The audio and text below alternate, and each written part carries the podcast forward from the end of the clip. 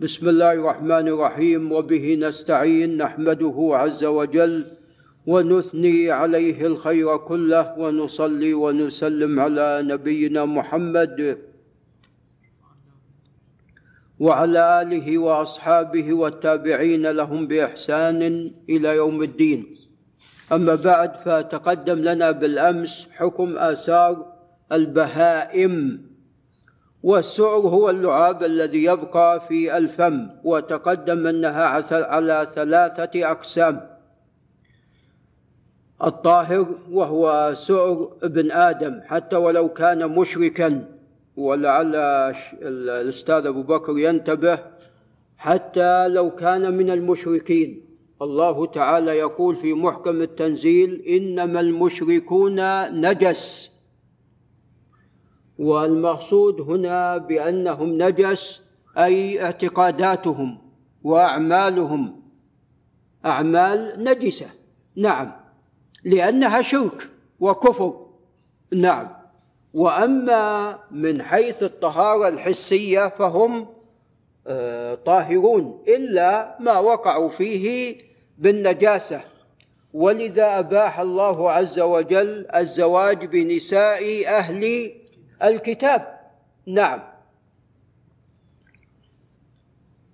وأيضا من الآثار الطاهرة مأكول اللحم فسؤره طاهر بل حتى روثه وبوله طاهر من الإبل والخيل والبقر والغنم. نعم. فكلها آثارها طاهرة بل بولها كما تقدم وروثها طاهر. نعم. وهل الخيل يؤكل يا أبا محمد؟ ولا ما يؤكل؟ طيب بما أن أبو حمزة تو بحمد الله وصل بالسلامة نعم. ما حكم الخيل يا أبا حمزة؟ يؤكل. الحصان يؤكل. نعم. قالت اسماء ذبحنا فرسا على عهد رسول الله عليه الصلاة والسلام وأكلناه. نعم. كيف؟ نعم ذبحنا نحرنا. نعم وأكلناه. يطلق ترى الذبح على النحر والله أعلم. فيؤكل الخيل تؤكل. نعم. وأما الحمر والبغال فهي التي لا تؤكل محرمة. نعم. فأيضا البغال والحمر آثارها طاهرة. طبعا هي محرمة لا تؤكل وبولها نجس. ولكن بالنسبة لسؤرها فإنه طاهر وعرقها طاهر لأنهم كانوا يركبون الحمر والبغال وأيضا قد يركبون الحمار وليس عليه سرج. ف ما كانوا يتجنبون ما يخالطهم أو يلامسهم من عرق الحمر. نعم. فهذه كلها فآثارها طاهرة. نعم. وأما بولها وروثها فهو نجس أي البغال والحمر ولا يجوز أكلها إلا الحمر المتوحشة إلا حمر الوحش. نعم. وأما القسم الثاني فهي الآثار النجسة والتي تغسل سبعا وهذا سؤر الكلب فقط. بعض أهل العلم ألحق به أيضا الخنزير أنه يغسل سبعا. والأقرب والله أعلم أن الغسل سبعا هذا خاصا بالكلب لكن الخنزير كله نجس. نعم كما ذكر الله عز وجل ركس فكله نجس. نعم. فالكلب فقط هو الذي يغسل من ولوغه سبع مرات. نعم. باقي السباع فهي نجسة آثارها. لكن لا يجب غسلها سبعا مرة واحدة. إذا زالت النجاسة فإن هذا يكفي.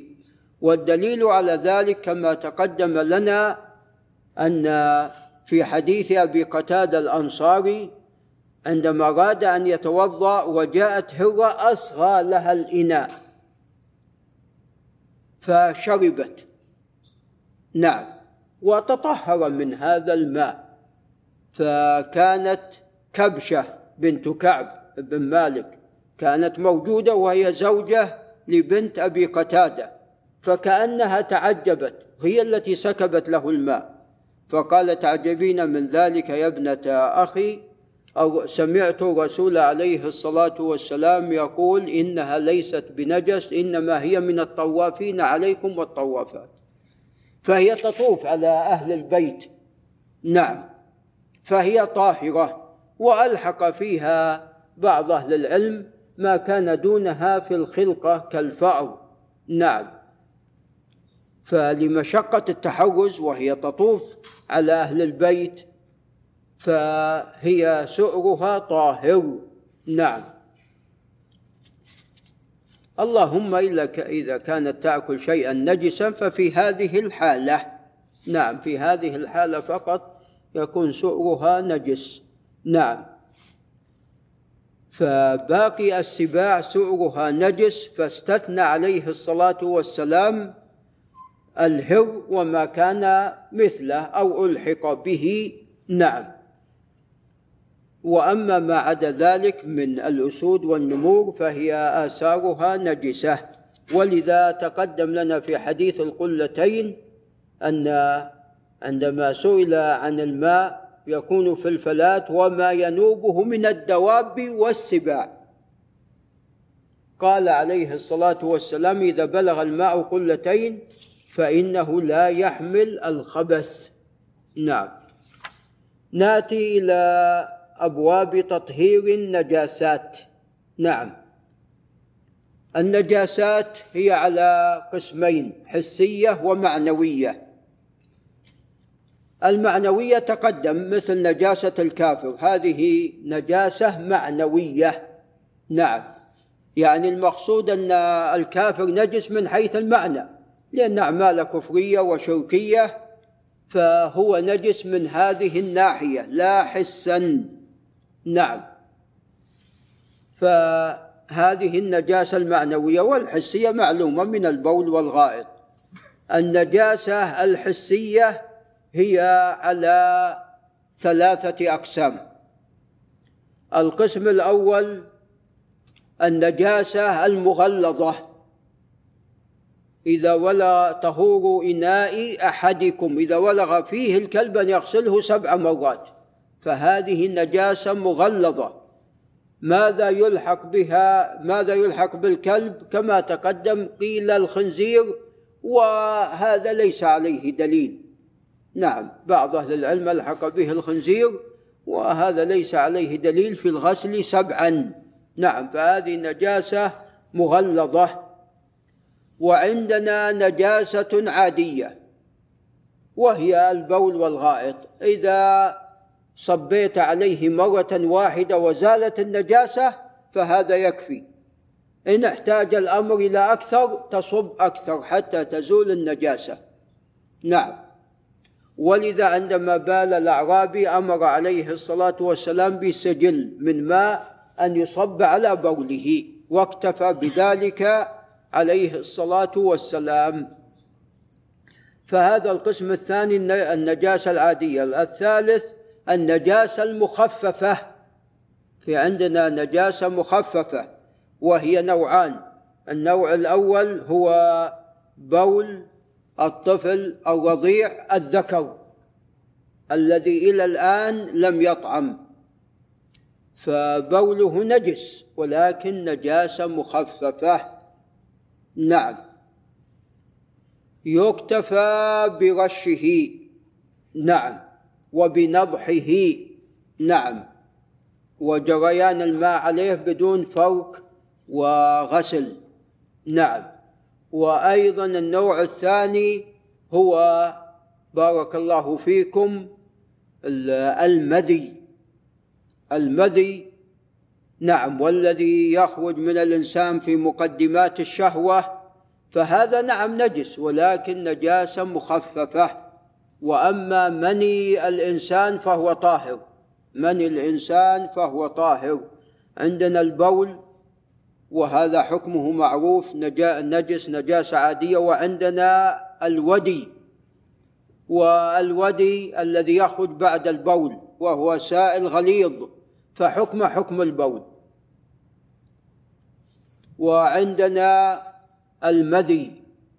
فهذا نجس نجاسة مخففة. وعندنا المني وهو الطاهر. المني طاهر. وأما المذي فنجس نجاسة مخففة. وهذا يكتفى بنضحه ولا يجب غسله وسوف يأتي بإذن الله. قال أبواب تطهير النجاسات وذكر ما نص عليه منها. قال باب اعتبار العدد في الولوغ نعم اعتبار العدد في التطهير في ولوغ الكلب. قال عن أبي هريرة رضي الله تعالى عنه أن الرسول صلى الله عليه وسلم قال إذا شرب الكلب في إناء أحدكم فليغسله سبعا.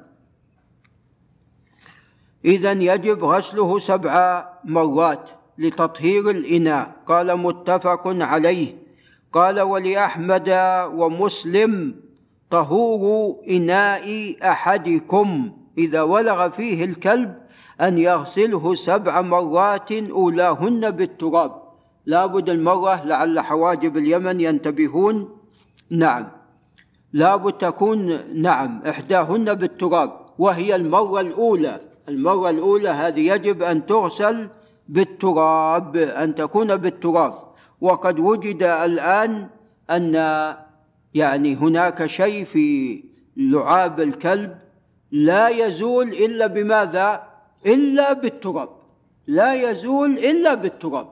نعم. فلا شك إن هذا من علامات نبوة نبينا محمد عليه الصلاة والسلام. وقد أيده ربنا عز وجل بالعلامات والمعجزات والآيات. نعم. فمن الذي أعلم عليه الصلاة والسلام سوى الوحي من الله سبحانه وتعالى؟ وقد سمعت في إذاعة نداء الإسلام أنهم الآن يعني يبحثون يريدون أن يصنعون شيء من التراب وأن التراب وجدوه مطهر ومزيل للجراثيم. نعم وأنه قوي في التطهير وإزالة الجراثيم. نعم وأنهم يريدون أن يصنعون شيئا مصل ودواء من ذلك. نعم. ولذا إذا ما وجدنا الماء نستعمل ماذا؟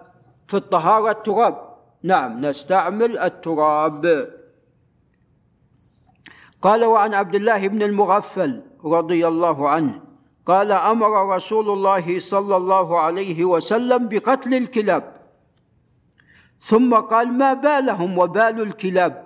يعني كأن والله لا أعلم بسبب كثرة تربية الكلاب. نعم. وتعلمون أنتم يعني اليوم أن الكلاب عند كفار الغرب من الأوروبيين والأمريكان أن الكلاب أصدقاء لهم أنهم أن يعتبرون الكلب صديق لهم بل يعتبرون الكلب ولد. نعم ويورثونه أحيانا ولا ما يورثونه يورثونه يوصي بماله للكلب ويقيم له حفلة زواج. نعم وأشياء من هذا. وهم في الحقيقة يعني هم كلاب مع الأسف الشديد. إن هم إلا كالأنعام بل بل أضل. نعم نعوذ بالله من ذلك. ولعل من أجل ذلك والله أعلم والله أعلم يعني جاء التشديد في تربية الكلب. لا يجوز إلا نعم في حراسة في بارك الله فيكم في صيد. نعم نعم كلب الزرع والغنم وكلب الصيد فهذه مرخص فيها. نعم وأما سوى ذلك لا يجوز آه، تربية الكلاب. قال ما بالهم وبال الكلاب ثم رخص في كلب الصيد وكلب الغنم.